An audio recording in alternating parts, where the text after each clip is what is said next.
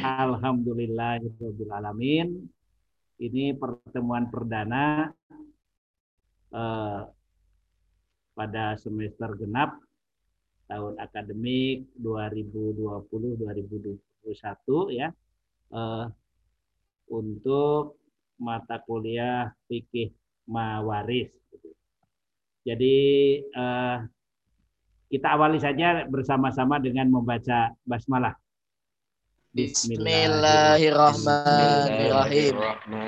Ya, saya bisa memahami kalau antara di antara kita itu mungkin ada yang uh, sinyalnya kurang bagus gitu ya. Ada yang ya namanya juga manusia kadang-kadang uh, lupa kemudian uh, apa paketnya habis gitu ya. Bisa macam-macam anunya itu. Uh, namun ya bagaimanapun mestinya kita upayakan dengan semaksimal mungkin gitu ya. Uh, nggak tahu ini suara saya dapat diterima dengan baik. Bisa. Afan, alhamdulillah jelas sekali Ustaz. Ah, alhamdulillah. Ya. Ini aja saya harus ke ke atas ke lantai dua. Kalau di bawah ini jelek. Saya kartu utama saya kan simpati. Tapi kalau untuk anu itu di rumah saya itu jelek sekali. Jangankan untuk eh, apa? Untuk zoom-zooman itu ya, untuk WA saja kadang-kadang nggak jalan. Makanya ini saya untuk kuliah ini eh, eh, anunya itu pakai smart friend yang bisa hidup di rumah saya itu yang bisa anukan itu smart friend. Tapi anunya simpati gitu, keluarannya simpati, tapi eh, apa sarannya itu pakai smart frame. Syukur kalau bisa diterima. Yang paling jauh dari mana ini? Halo? Aceh. Aceh. Aceh. Aceh. Wah. Aceh sudah sudah selesai sholat duhur ya?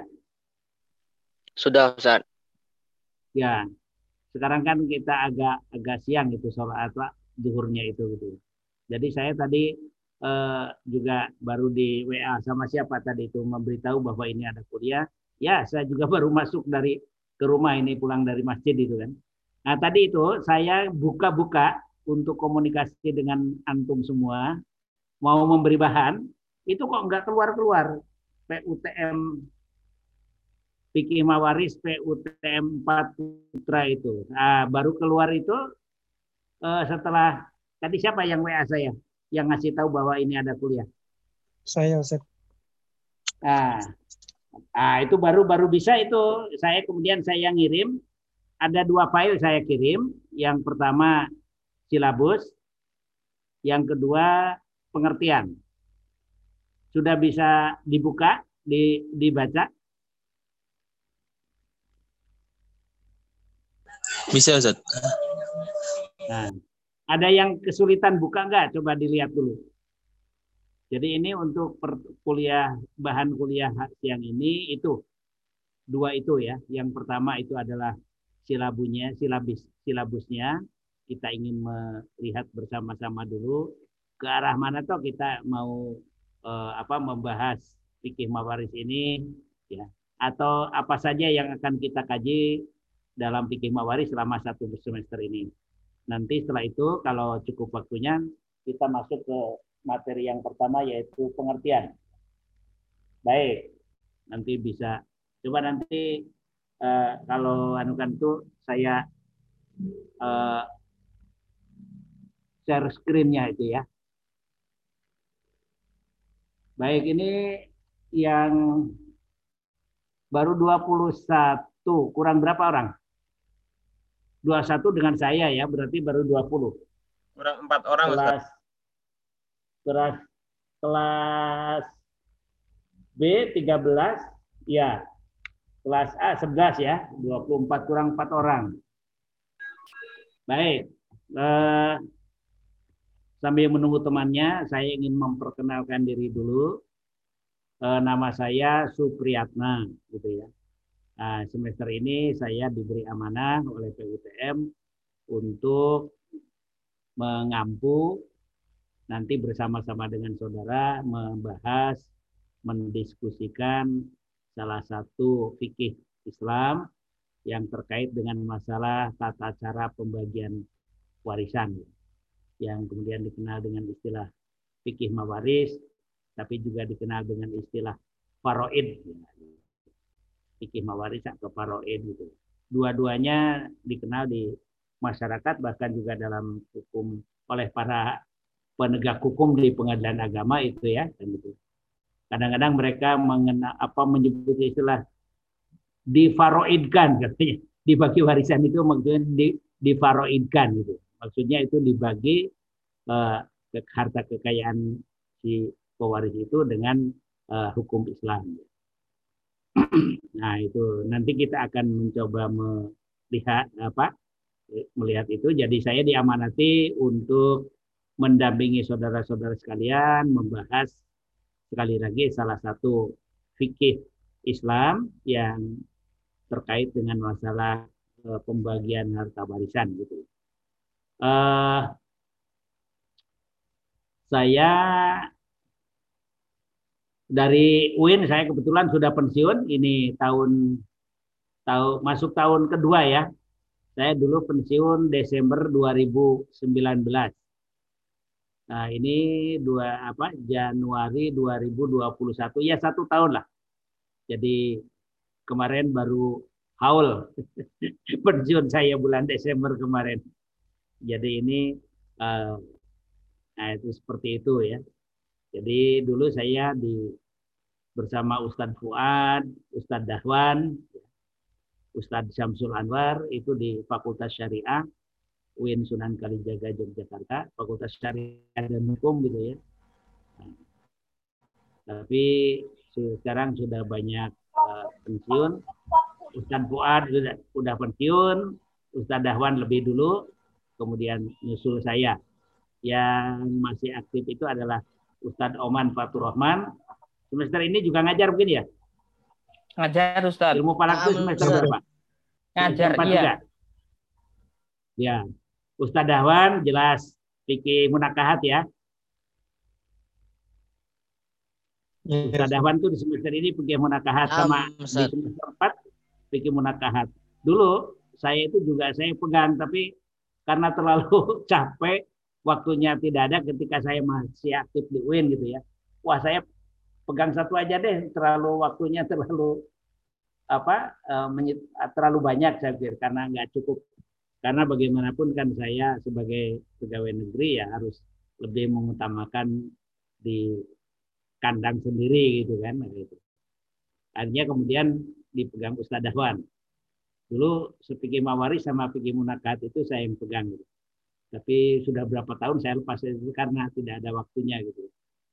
Kebetulan di UIN juga di samping dosen, saya itu juga diberi amanah untuk ngurus di lembaga pengabdian pada masyarakat gitu ya. Jadi habis ngajar kemudian punya tugas lain di situ gitu. Baik, ya itu. Nah, kemudian itu apa? Itu eh, saya. Jadi nah, kemudian di Muhammadiyah saya dengan ustadz yang lain juga saya aktif di majelis tarjih dan tajdid gitu ya. Jadi ya kebetulan sama-sama itu Ustadz Fuad, Ustadz Afwan, Ustadz Uman, Ustadz Samsul, bahkan Ustadz Gofar. Siapa lagi yang untuk Ustadz Datang? Sudah ngajar belum Ustadz Datang? Belum Ustadz. Ustadz, betul. Ustadz Datang Solihin. Jadwalnya belum. ada nggak di semester 4? Belum, belum ada Ustadz. Kalau kemarin semester sebelumnya? Belum ada Ustadz Atang. Mungkin semester 5 mungkin Ustadz. Kalau oh, gitu. Atang biasanya Putri. Oh begitu. Dia senangnya sama Putri ya? Kalau Ustadz Asep? Kalau Ustadz Asep ngajar Ustadz. Ya, Ustadz Ruslan? Ngajar juga Ustadz. Nah, jadi ya kita sama-sama satu keluarga besar lah di Majlis Tarjih gitu ya. Oke. Ya.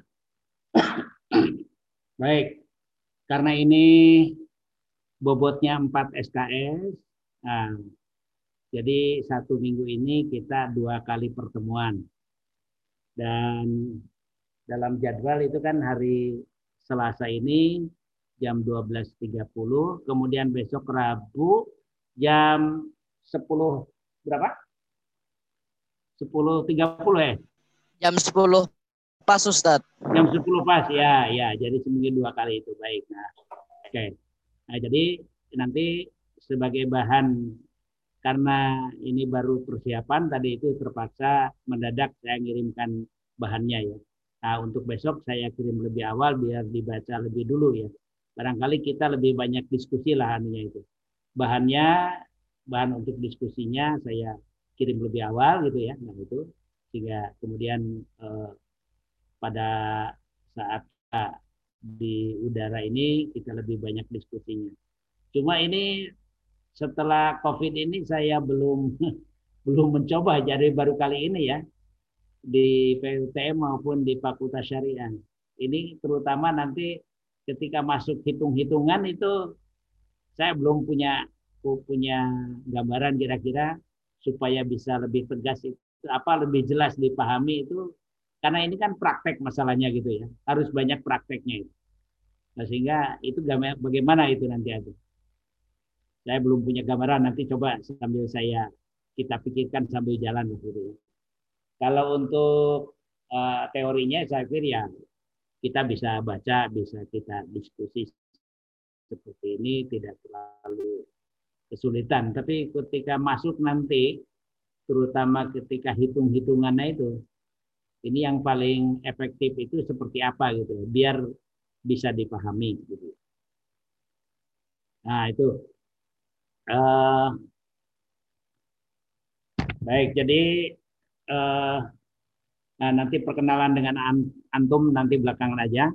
Kita bagi yang sudah me, punya bahan itu nanti silakan dicoba kita akan melihat dulu uh, silabis silabus ya. Silabus uh, dari fikih mawaris ini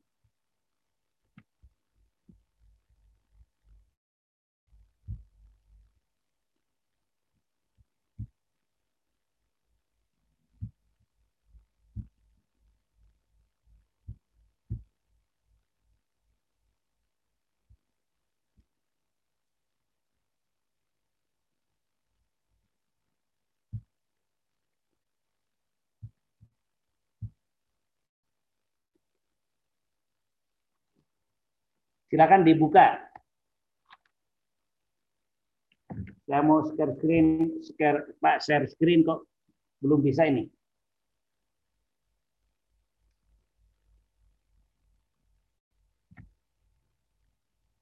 Sambil buka file, bisa nggak dengarkan saya? Bisa, Ustaz. Bisa, Ustaz. Hah? Bisa. Baik. Bentar.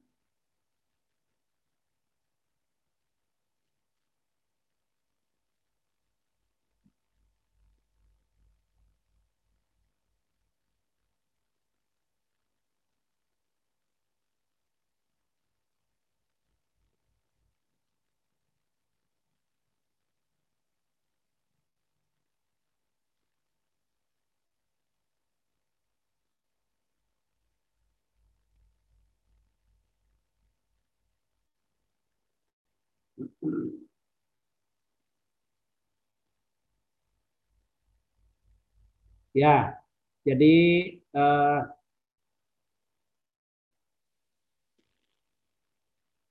kita ini kan empat SKS ya, sehingga semuanya itu uh,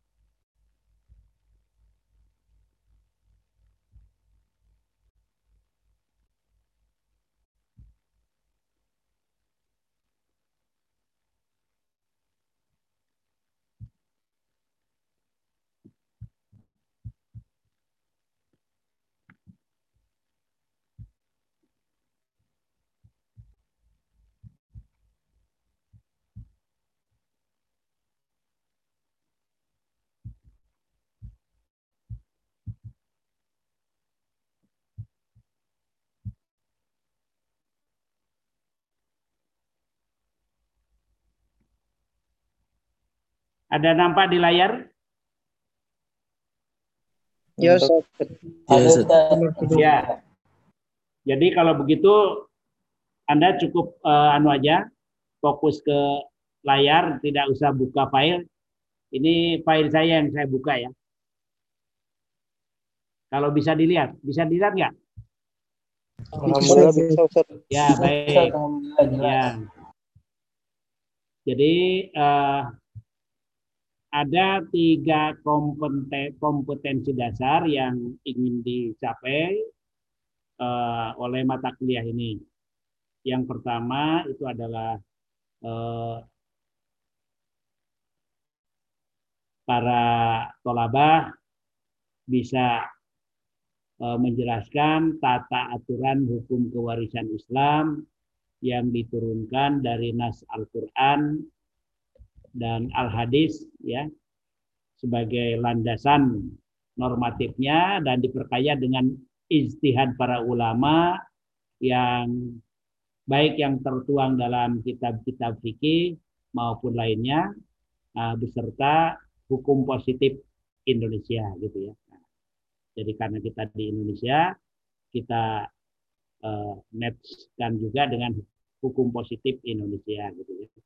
Yang secara uh, apa uh, kebetulan bukan bukan kebetulan ya kita syukuri begitu uh, bagi umat Islam sekarang ini sudah diberlakukan uh, hukum kewarisan Islam atau fikih mawaris ini uh, yang itu merupakan kewenangan pengadilan agama.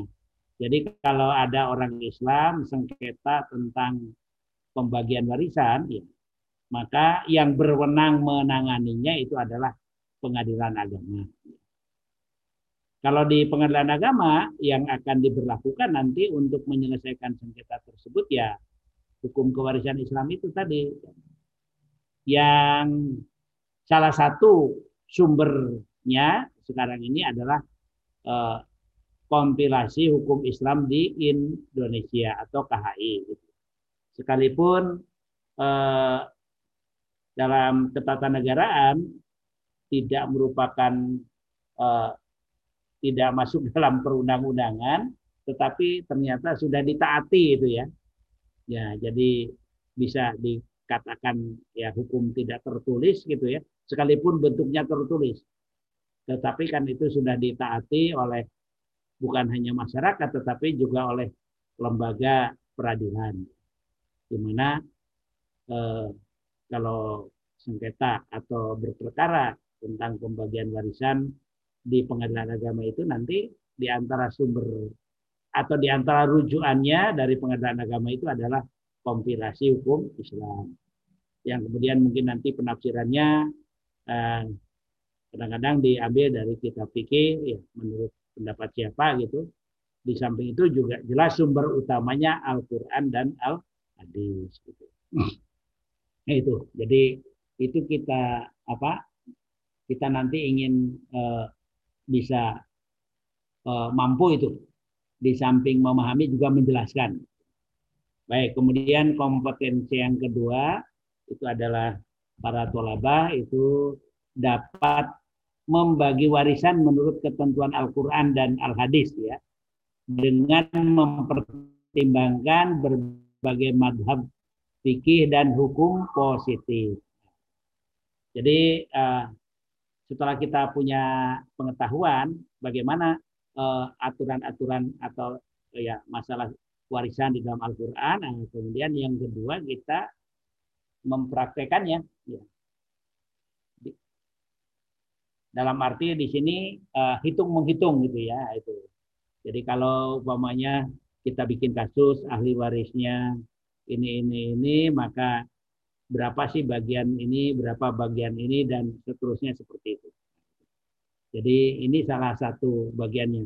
Kita tak tahu eh, apa ayatnya oh pengertian seperti ini tapi kalau tidak bisa mempraktekannya juga eh, percuma gitu ya. Nah, nanti eh, prakteknya itu dalam artian latihan hitung menghitung setiap ahli waris nanti eh, kita buat latihan ya ketika membahas kewarisan istri umpamanya atau janda ya.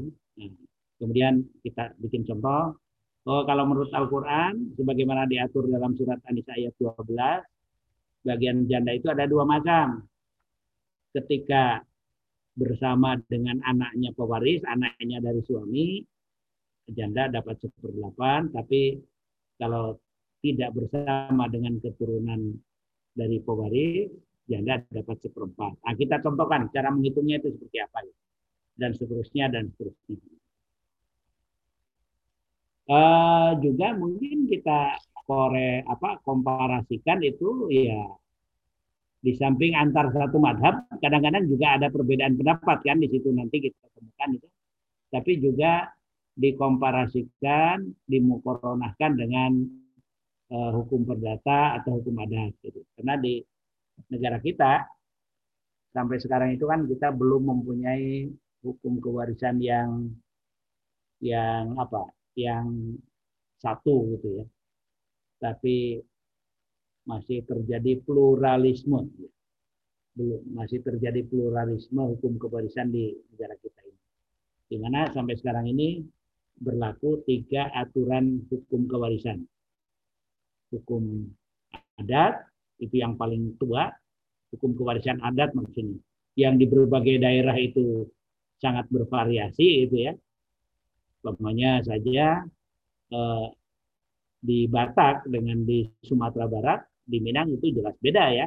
Batak itu mendasarkan kepada kekeluargaan patrilineal sedangkan di Minangkabau itu mendasarkan kepada sistem kekeluargaan matrilineal gitu.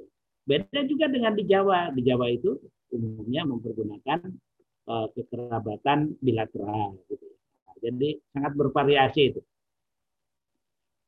Nah, kemudian juga kita komparasikan dengan ada apa dengan BW ya. Dalam kalau diperlukan itu nanti ya. Nah, BW juga. Nah, kalau adat itu apa konsumennya siapa? konsumennya itu adalah warga pribumi, artinya orang asli Indonesia yang tidak beragama Islam. Yang tidak beragama Islam. Pada prinsipnya yang itu bagi mereka itu ter, apa yang berlaku hukum adatnya sendiri-sendiri itu. Bali umpamanya nanti kalau sengketa itu sengketa kewarisan ya akan diterapkan hukum adat kewarisan Bali gitu di NTT juga gitu. Nah, kemudian yang kalau orang Bali pun tapi kalau beragama Islam ya ya yang berlaku ya hukum Islam gitu ya gitu ya. Sekarang dilihat dari sisi agamanya itu seperti itu.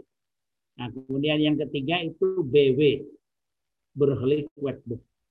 Ini peninggalan penjajah Hindia Belanda. Ini siapa konsumennya atau berlaku bagi siapa? awalnya itu adalah bagi oh, pertama orang eh, keturunan Eropa yang tinggal di Indonesia gitu ya. Nah, sekarang ini yang paling banyak adalah orang timur asing. Siapa orang timur asing itu? Ya di Indonesia yang paling banyak ya etnis Cina itu. Dulu kan sebenarnya eh, Korea, kemudian mana lagi? ya pokoknya selain Timur Tengah gitu ya Korea Jepang nah Cina gitu sekarang yang paling banyak itu ya Cina gitu jadi kalau ada etnis Cina WNI keturunan Cina dan tidak beragama Islam ah, bagi mereka itu kalau sengketa kewarisan ke pengadilan negeri oleh pengadilan negeri yang akan dipakai itu adalah hukum kewarisan yang ada dalam BW.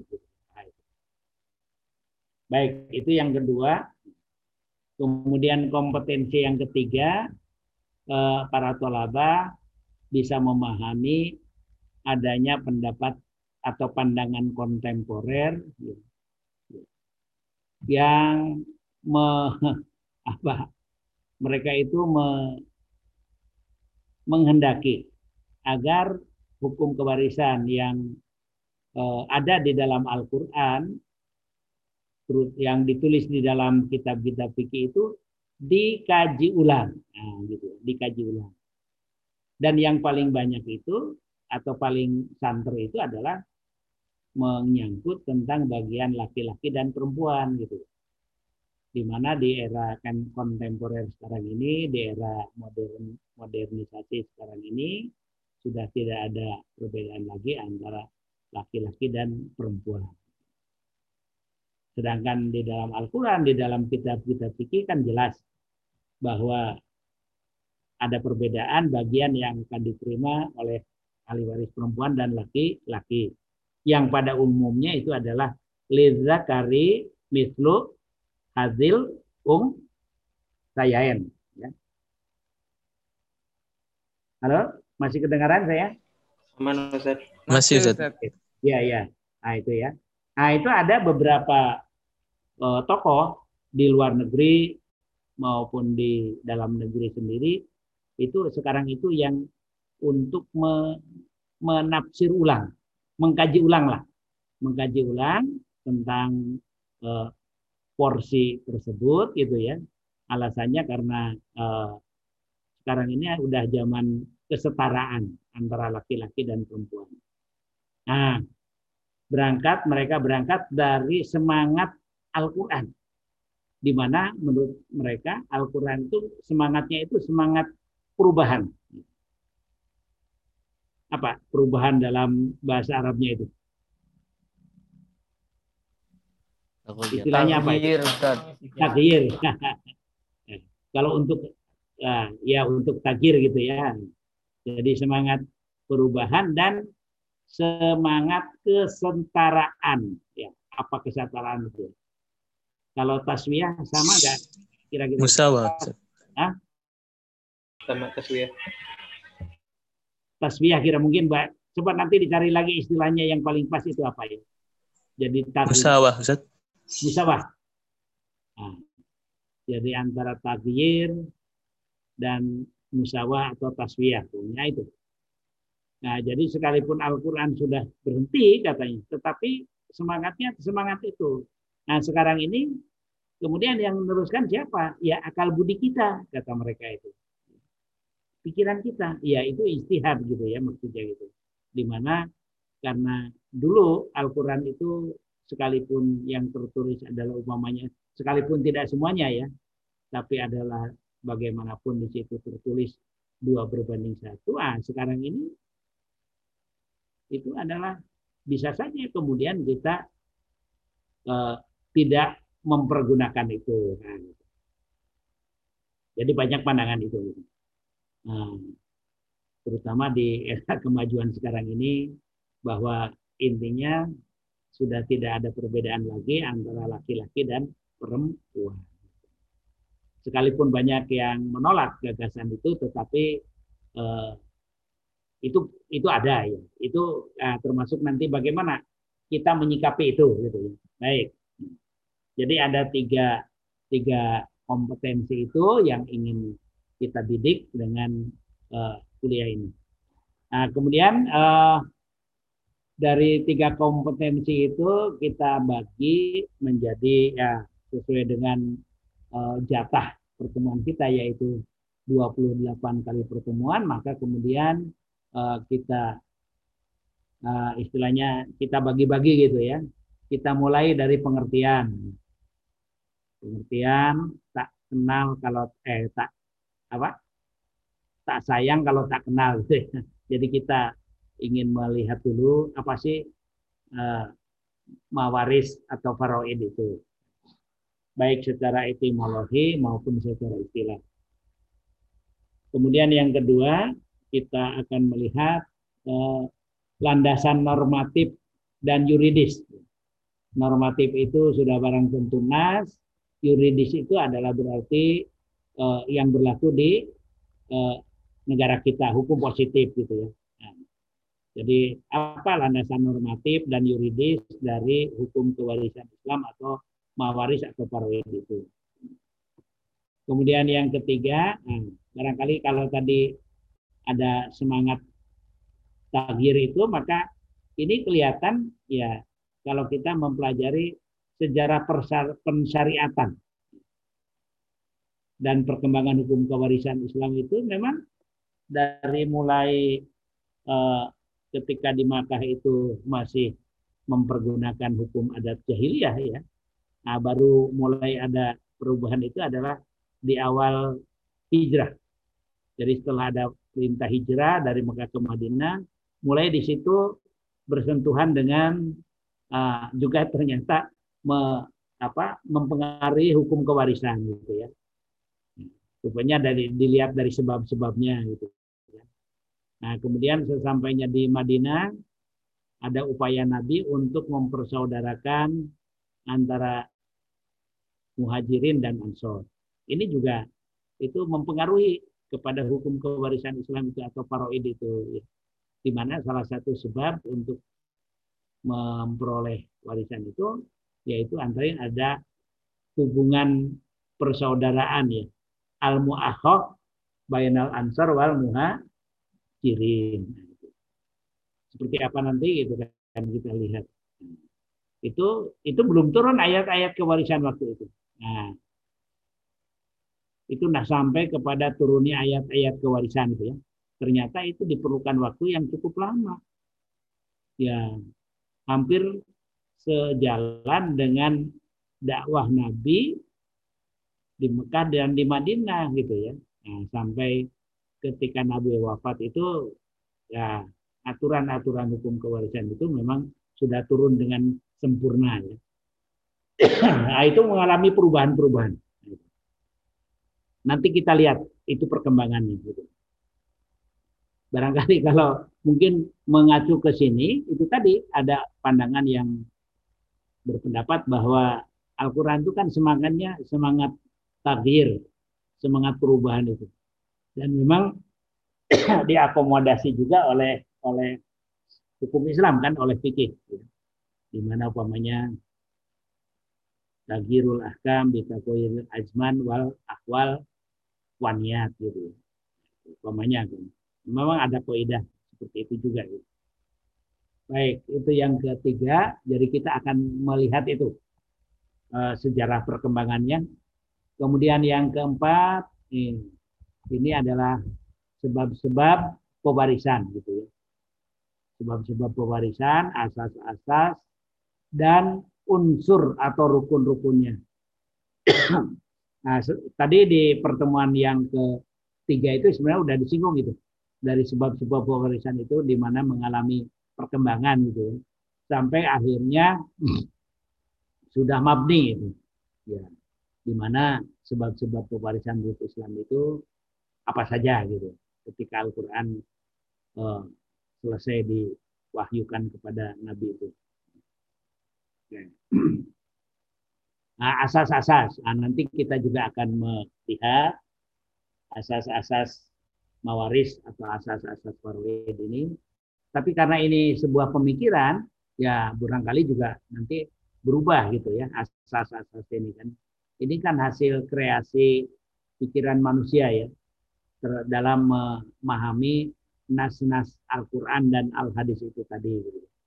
Sebagai contoh umpamanya uh, dalam hadis Nabi itu disebutkan la yarithul muslimul kafiro walal kafirul muslimat.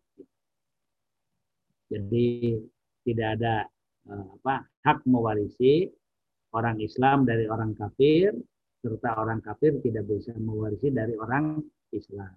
Lantas di situ ditarik sebuah asas. Ada yang menyebut apa? Asas personalitas keislaman. Jadi dari hadis itu kemudian ditarik sebuah asas yang disebut dengan asas personalitas keislaman. Dalam arti bahwa harta warisan orang Islam itu hanya bergulir di kalangan ahli waris yang beragama Islam. Tapi ternyata ikan nanti ada ada perbedaan pendapat juga. Menurut satu pendapat sekarang ini agama itu tidak lagi menjadi penghalang pewarisan gitu ya. Kalau zaman Nabi iyalah, tapi sekarang itu katanya enggak terutama itu pendapat itu digulirkan oleh ya kalau dulu ada sebuah gerakan yang disebut dengan jil. Apa jil itu? Ada yang tahu? Pernah dengar? Jaringan Islam Generasi. Ustadz. Eh, jaringan Generasi. Bukan. Jaringan Islam Iya. liberal. YIL. Liber- Liberal. Ah, betul. Jaringan Islam liberal gitu ya. Salah satu tokohnya itu adalah menantunya Gus Mus. Siapa? Ulil Absar. Ah, Ulil Absar Abdallah betul. Di antara tokohnya itu. gitu. Jadi menurut mereka itu eh, apa gampangnya apa eh, eh, prinsipnya pokoknya hadis itu tidak lagi berlaku sekarang ini gitu.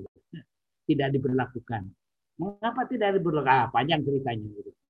Nanti bisa ditelusuri. Baik. Nah jadi itu eh, asas-asas kita akan bicara eh, terkait dengan masalah itu. Dari mana asas itu di- ditarik gitu ya. Sudah barang tentu berangkatnya itu dari nas Al-Quran ataupun al al-hadis gitu ya.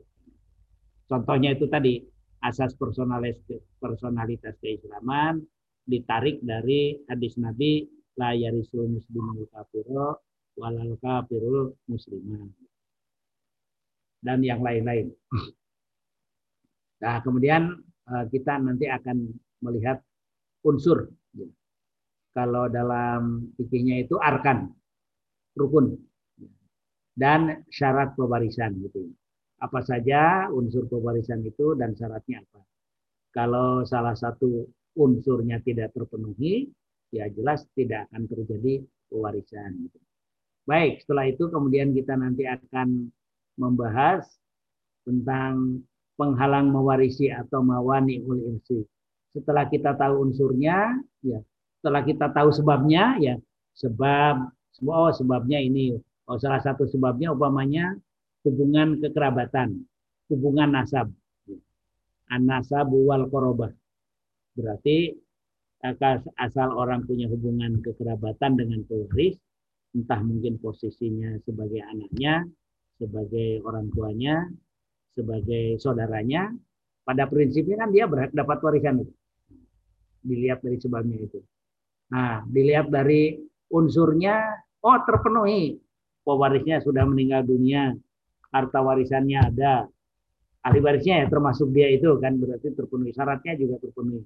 Nah, tapi dalam hukum kewarisan itu ada ahli waris yang punya hubungan kewarisan, rukunnya terpenuhi, tapi dia tidak berhak mendapat warisan.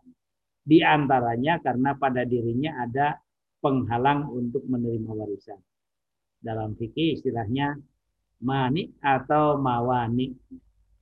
Apa saja itu maniul irfi itu? Ah, nanti kita kita kaji di sini gitu. Tapi secara prinsipnya sekarang ini ada hanya ada dua dengan terlepas dari adanya perbedaan ya. Apa itu? Al-qatlu dan ikhtilafuddin. Al-qatlu pembunuhan dan perbedaan agama. Kalau dulu banyak ya, tapi sekarang kan sudah tidak ada lagi wujudnya upamanya karena ariku perbudakan. Nah, sekalipun dia punya hubungan nasab dengan pewaris, tapi kalau posisinya sebagai budak, nah, dia tidak berhak dapat warisan itu. Tapi sekarang kan perbudakan sudah tidak ada lagi gitu ya, upamanya gitu. Jadi untuk masa sekarang ini hanya mengerucut kepada dua. Nah, cuma kan kemudian katanya katakanlah ulama sepakat pembunuhan itu merupakan penghalangan menerima warisan. Ahli waris yang membunuh pewarisnya dia tidak berhak mendapat warisan. Tetapi kemudian dipersoalkan oleh para ulama pembunuhan yang seperti apa yang berakibat terhalangnya pelaku menerima warisan. Nah, di situ kan banyak uh, pendapat terjadi ikhtilaf. Ada yang ulama Syafi'iyah umpamanya wah bebas sekali pembunuhan jenis apa pun berakibat terhalangnya pelaku dari menerima warisan. Tapi ulama yang lain ada yang batasi. Oh, hanya pembunuhan tertentu saja. Apa itu? Ah, nanti kita lihat lebih lanjut. Baik. Ah, itu ma mawani ul irsi atau mani ul irsi Kemudian nah setelah itu kita tak sebab-sebab warisi sudah tahu, unsur-unsurnya kita sudah tahu, penghalangnya juga sudah tahu. Nah, masuk kepada hak-hak yang terkait dengan harta peninggalan. Al-hukuk al-muta'alliqah bitirkah. Kenapa ini harus kita ketahui? Karena ternyata yang punya hak atas harta peninggalan pewaris itu bukan hanya ahli waris. Tapi juga mungkin ada pihak lain. Siapa contohnya? Yang pernah Anda tahu?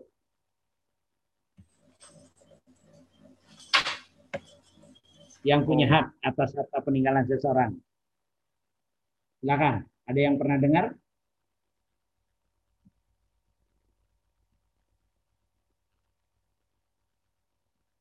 Yuk.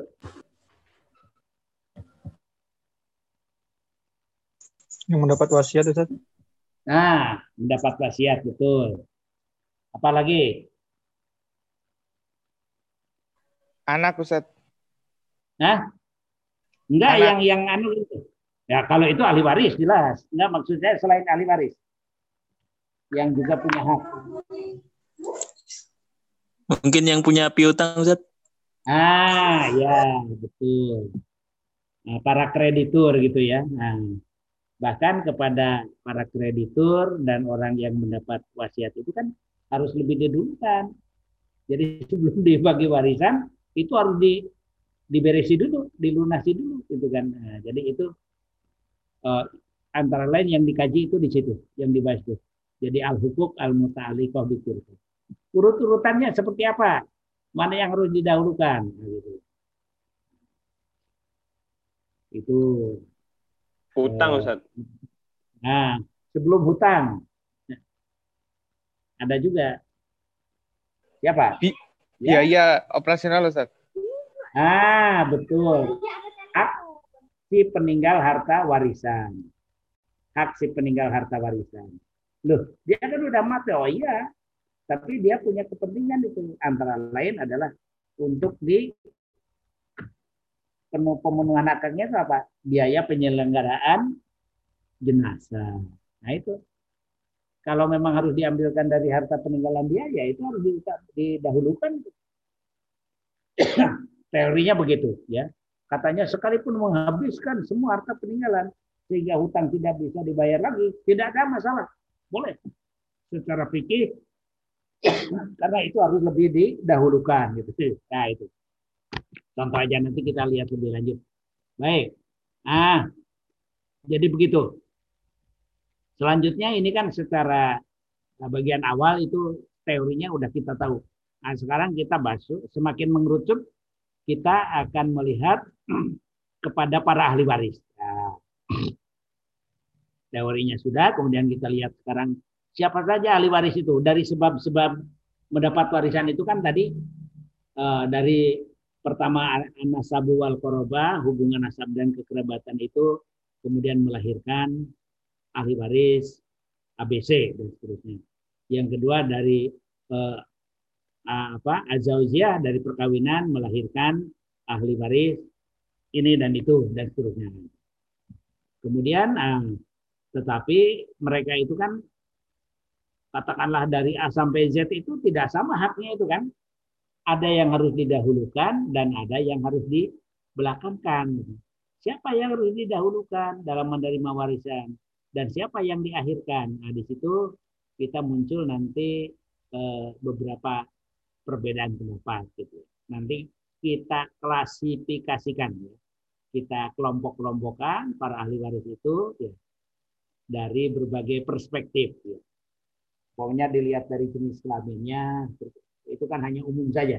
Tapi yang paling penting itu adalah pengelompokan dari sisi kapan seseorang berhak mendapat warisan. Baik. Nah, setelah tahu eh, siapa saja ahli waris, lantas kita akan melihat bagaimana cara menghitung pembagian warisan.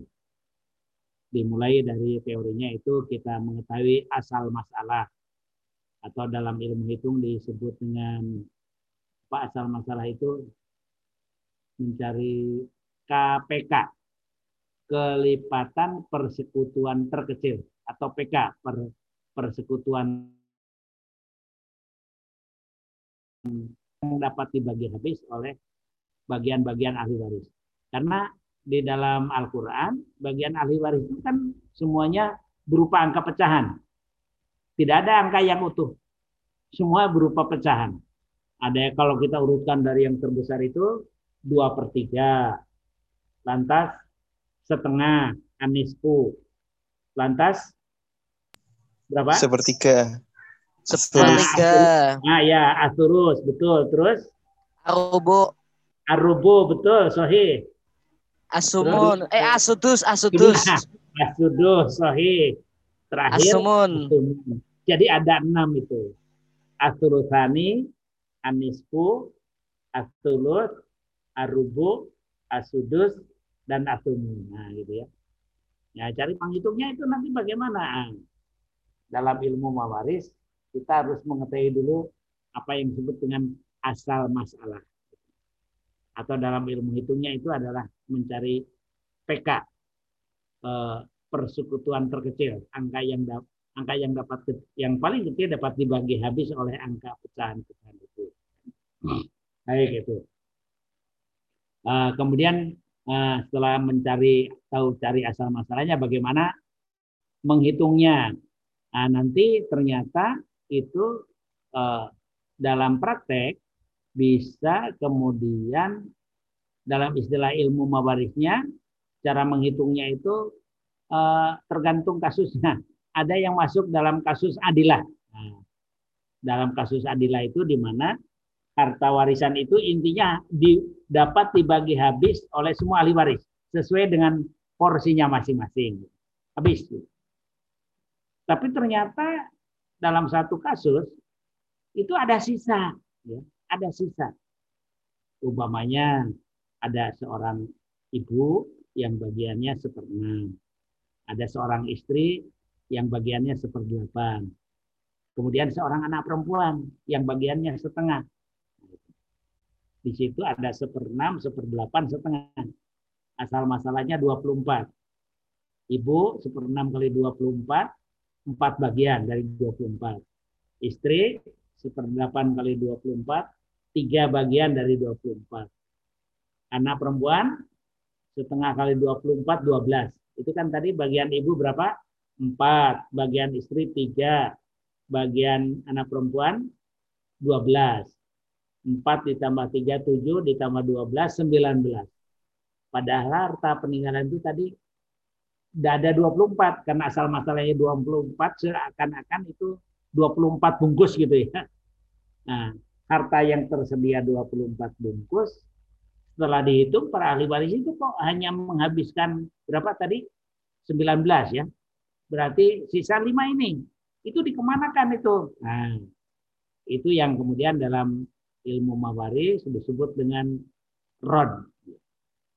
Jadi sisa lima itu dirodkan lagi, dikembalikan lagi kepada para ahli waris yang berhak. Siapa yang berhak itu? Ternyata ada ikhtilaf di situ. Nah, kemudian lantas bagaimana cara menghitungnya kalau begitu? Baik. Jadi ini surplus. Bisa jadi sebaliknya. Dulu bukan surplus tapi minus. Di mana Pak bagian para ahli waris itu lebih besar dari harta yang tersedia. Harta yang tersedia tadi umpamanya 24 bungkus, ternyata setelah dihitung bagi semua bagian ahli waris kok 27 gitu ya. Jadi ada minus tiga bagian itu. Siapa yang harus nomboi ini? atau yang harus dikurangi. Ternyata kan tidak bisa itu hanya dibebankan kepada seseorang. Kekurangan itu harus ditanggung bersama. Caranya bagaimana? Nah, masing-masing bagian itu dikurangi.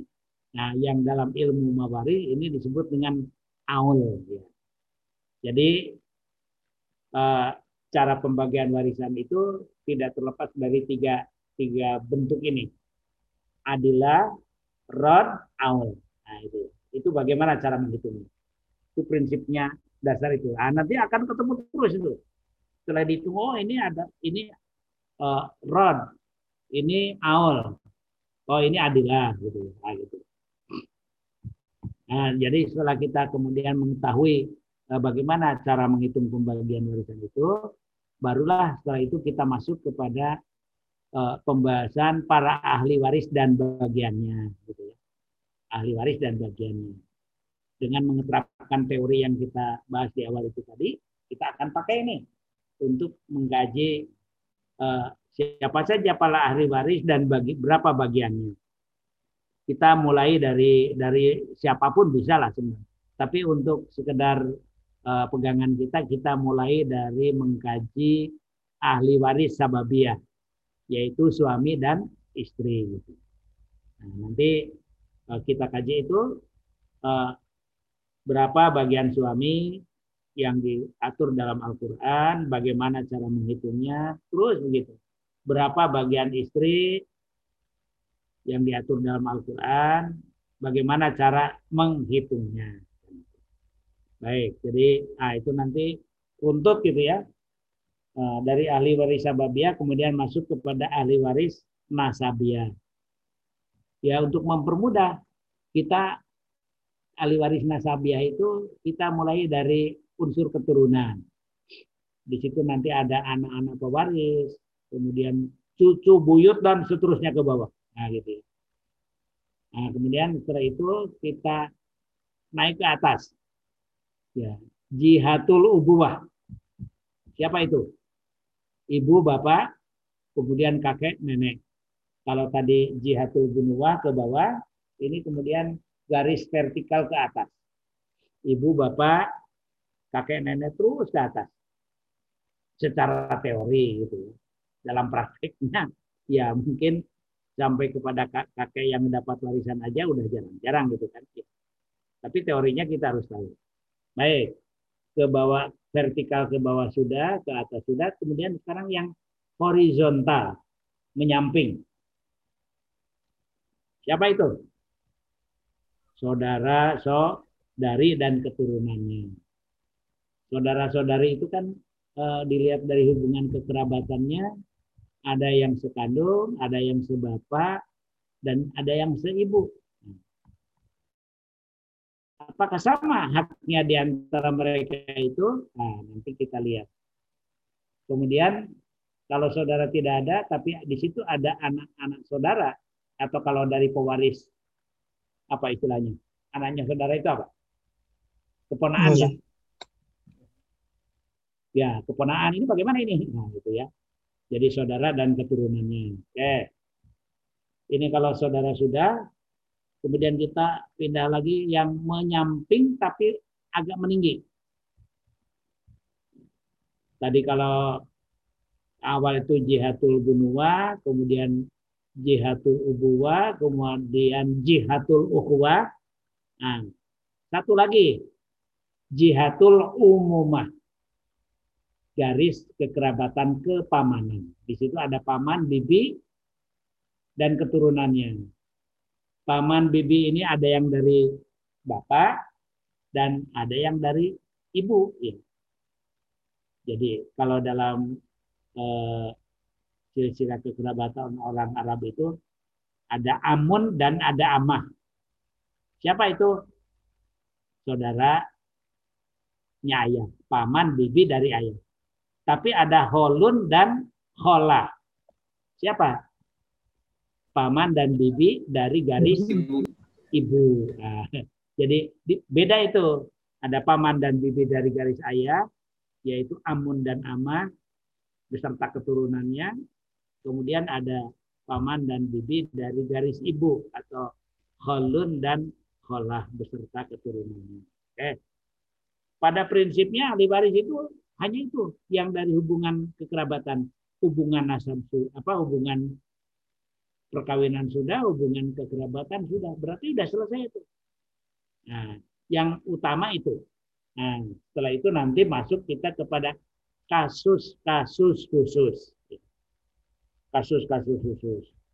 Apa saja kasus khusus? Banyak itu.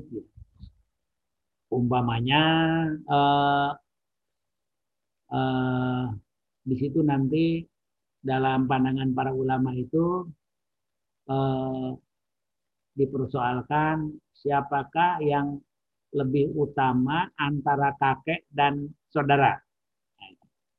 Mana yang lebih utama antara kakek dan saudara gitu. Bagi yang berpendapat kakek lebih utama dari saudara, maka kalau ada kakek, saudara mahjub gitu, tidak dapat. Tapi ada yang mengatakan juga tidak ada yang lebih utama, sama-sama itu. Kakek dan saudara itu satu apa? Ya, sama-sama anu, seimbang lah. Sehingga nanti muncul eh, satu istihad penyelesaian kewarisan apabila ahli warisnya itu terdiri dari kakek dan saudara. Nah, dalam kitab-kitab fikih biasanya dibahas dalam mirosul jad ma'al ikhwah. Ya. Mirosul jad ma'al ikhwah. Kewarisan kakek apabila bersama dengan saudara. Ini bagaimana? Wah, ada ada beberapa pandangan di situ. Ada pendapatnya Abu Bakar CS, ada pendapatnya Ali Zaid bin Thabit CS ya. Nah, itu nanti uh, banyak atau paling tidak ada beberapa pandangan gitu ya. Baik. Nah, jadi itu saya sebut di sini itu adalah eh, kasus-kasus uh, khusus gitu ya. Nah, nanti akan kita kaji itu. Uh, kemudian umpamanya ada juga uh, ulama terutama ulama sunni itu membagi ahli waris itu kan kepada tiga kelompok besar. Zawul Furud, Asobah, dan Zawul Arham. Zawul Furud itu ahli waris yang bagiannya sudah ditentukan. Asobah itu adalah ahli waris yang bagiannya belum ditentukan. Satu lagi itu adalah Zawul Arham. Nah, bagaimana itu? Bagaimana kalau ada asobah, bagaimana kalau ada daun arham. Nanti ada madhabnya sendiri-sendiri gitu ya. Oke. Uh, kemudian uh, ada ini apa terkait dengan cara menghitung gitu ya. Ada kita mengenal istilahnya tashihul masail, ya. mentashihkan masalah-masalah. Tashihul masalah.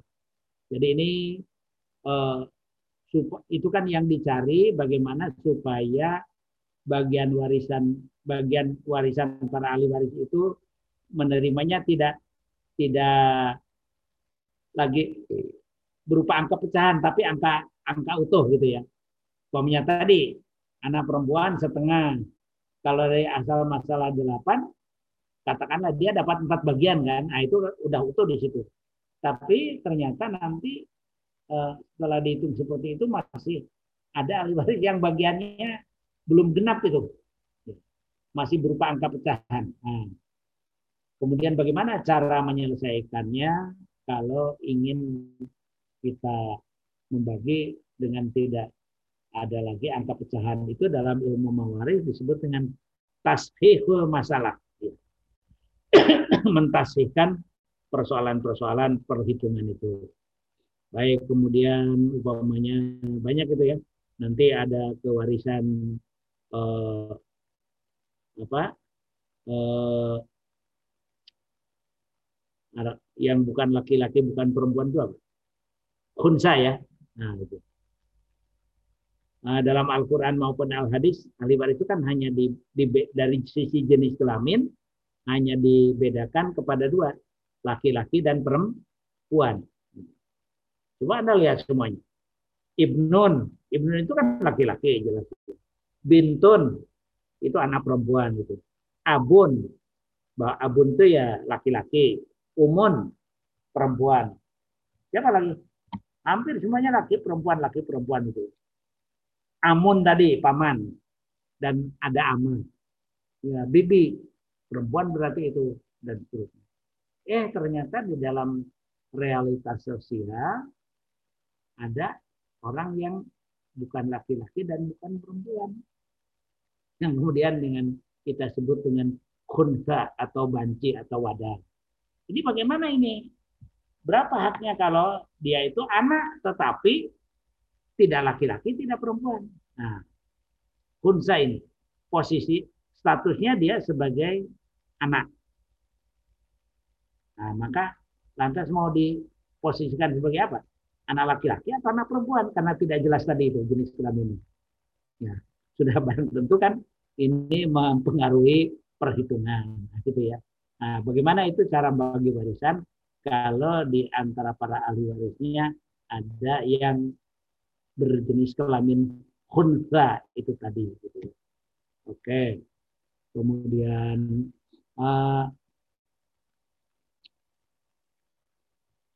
apalagi uh, umpamanya kalau dalam Al-Quran kan para ahli waris itu sudah ditentukan ya. Anak perempuan kalau seorang setengah, dua orang atau lebih dua per tiga. Anak laki-laki itu dua bagian dari dari anak perempuan. Dan ibu seperenam atau sepertiga. Janda itu seperdelapan atau seperempat. Itu yang normatif itu. Tapi bisa jadi atau diperbolehkan setelah tahu haknya masing-masing, kemudian mereka membagi tidak seperti itu. Kemudian kesimpulannya dibagi rata. Nah, itu boleh enggak itu? Bisa enggak itu?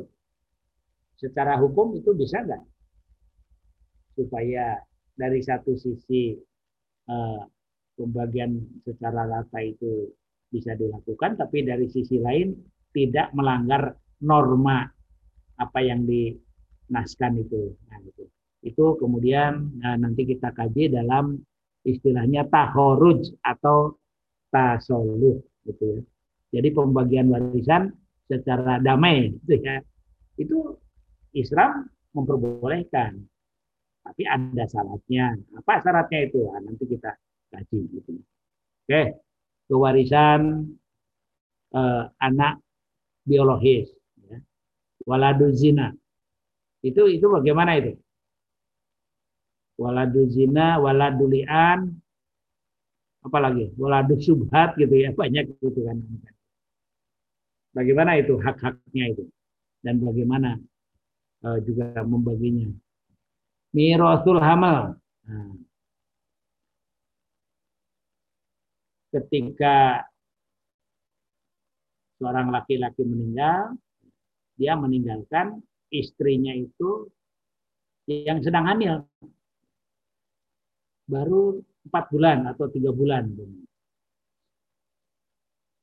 Ini bagaimana ini? Karena berarti kan dia di samping meninggalkan istri atau janda, tapi juga meninggalkan anak yang dikandung oleh istrinya itu tadi, gitu kan? Kita nggak tahu kan itu anaknya itu nanti laki atau perempuan lahir satu atau dua itu kan. Kalau semua bersabar, tidak ada masalah. Oh tunggu saja sampai si uh, janin itu lahir. Udah, berarti sabar itu. Tapi kalau ada yang tidak sabar, enggak pokoknya harus dibagi sekarang. Nah, lantas bagaimana itu kita mensiasati bagian ahli waris yang sedang dikandung oleh si janda itu tadi supaya hak-haknya tidak terabaikan. Itu nanti akan kita bahas dalam judul Mirosul Amal. Gitu. Oke, nah nanti Anda bisa baca itu lebih lanjut lagi nih. Oke. Sekarang ini buku uh, rujukannya.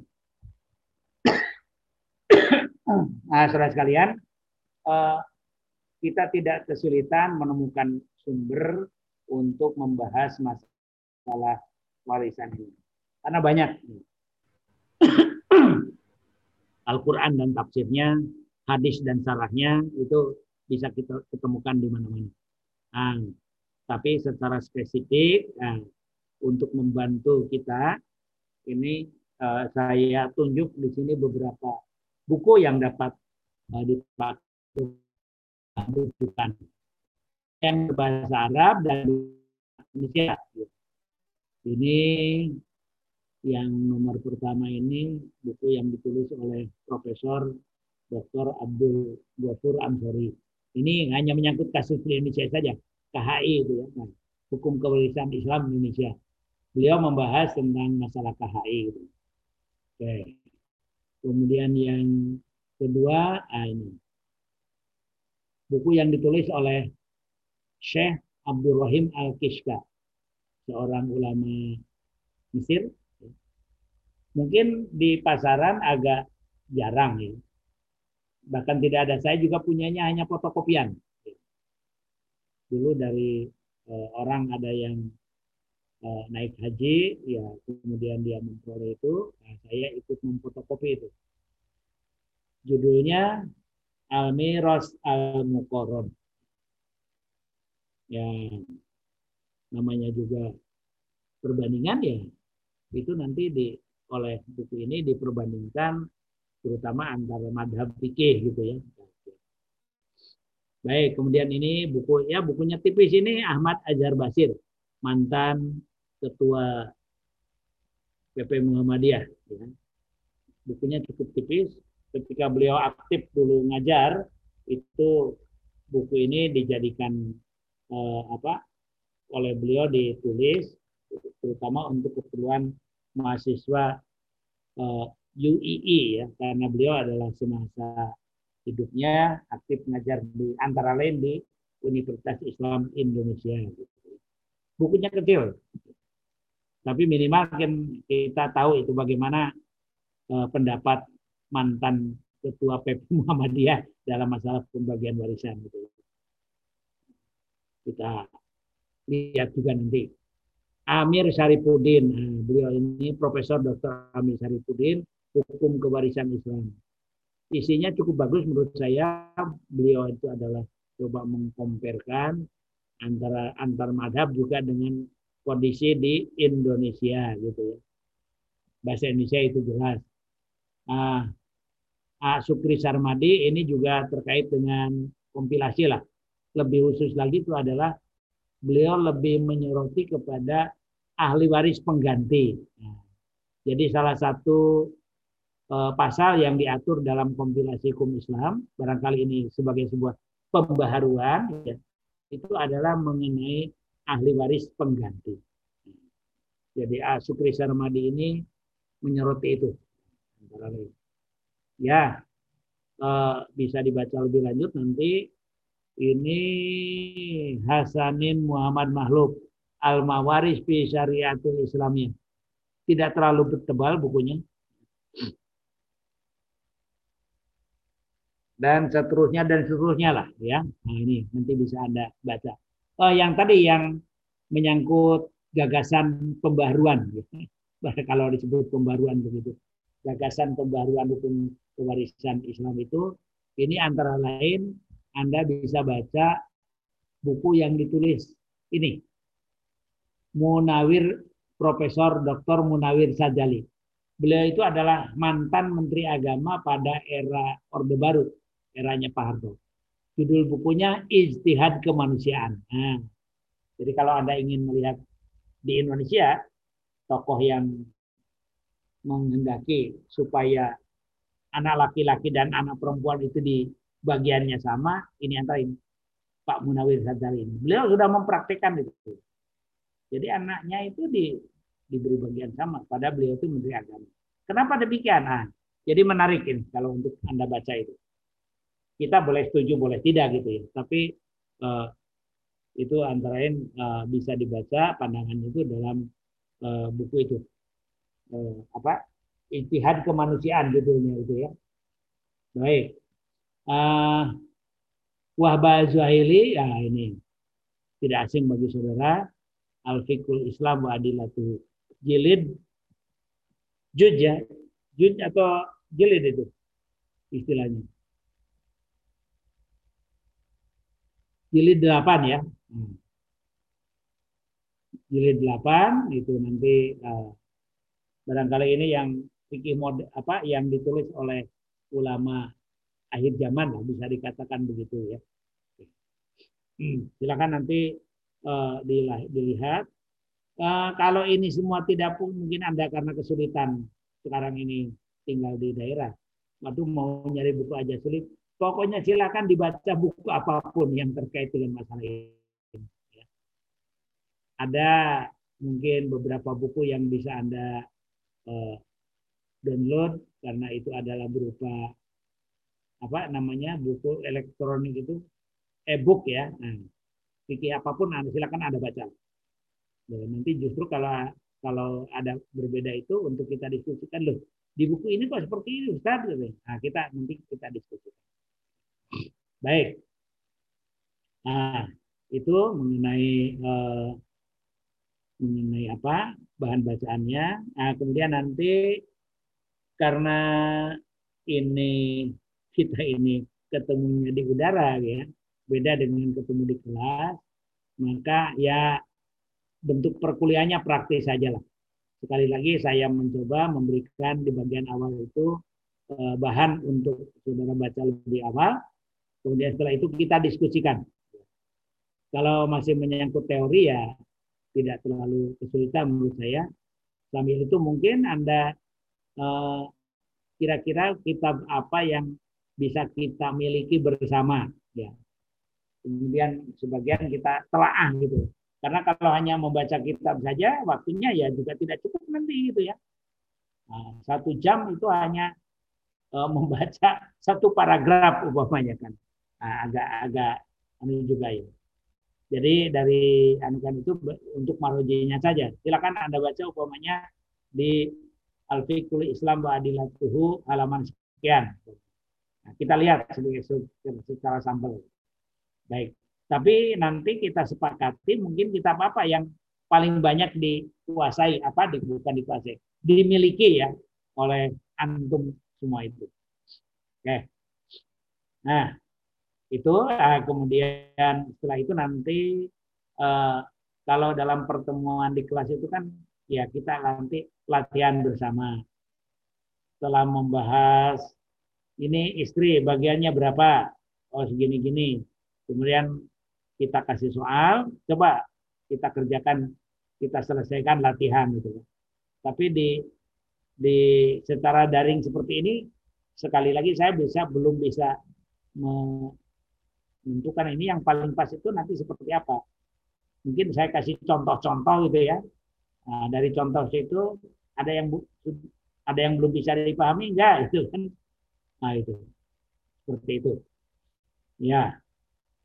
Eh saya pikir itu ya. Nanti insya Allah selama tidak ada gangguan yang berarti kita akan ketemu sesuai dengan yang dijadwalkan satu minggu dua kali yaitu Selasa jam setengah satu, kemudian hari Rabu besok jam sepuluh. Baik, uh, ada yang ingin ditanyakan dulu? Nanti waktu terakhir saya gunakan untuk presensi, biar tidak usah. Ada yang ingin Apa ditanyakan dulu? Boleh, boleh ya. Untuk buku pegangan itu berarti sifatnya wajib lah minimal satu buat semuanya harus punya gitu Ustaz. Ah, saya kalau menentukan wajib juga kalau ada kesulitan memperolehnya gimana? Mungkin kalau kira-kira yang buku fikih yang di Anda miliki rata-rata punya itu apa? Entah fotokopian entah apa itu. Yang paling banyak dimiliki? Print-print out uh, kayaknya. Hah? Print out? Gak apa-apa. Tapi kita apa gitu loh. Al-Fiqhul Islam wa Adilatu atau apa?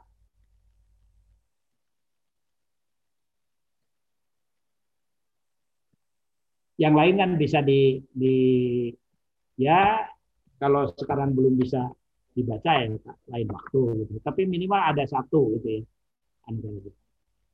Karena kondisi seperti ini saya juga mau mewajibkan, nah nanti Anda kesulitan. Makanya eh, ada yang punya kitab Al-Fiqhul Islam wa Adilatuhu?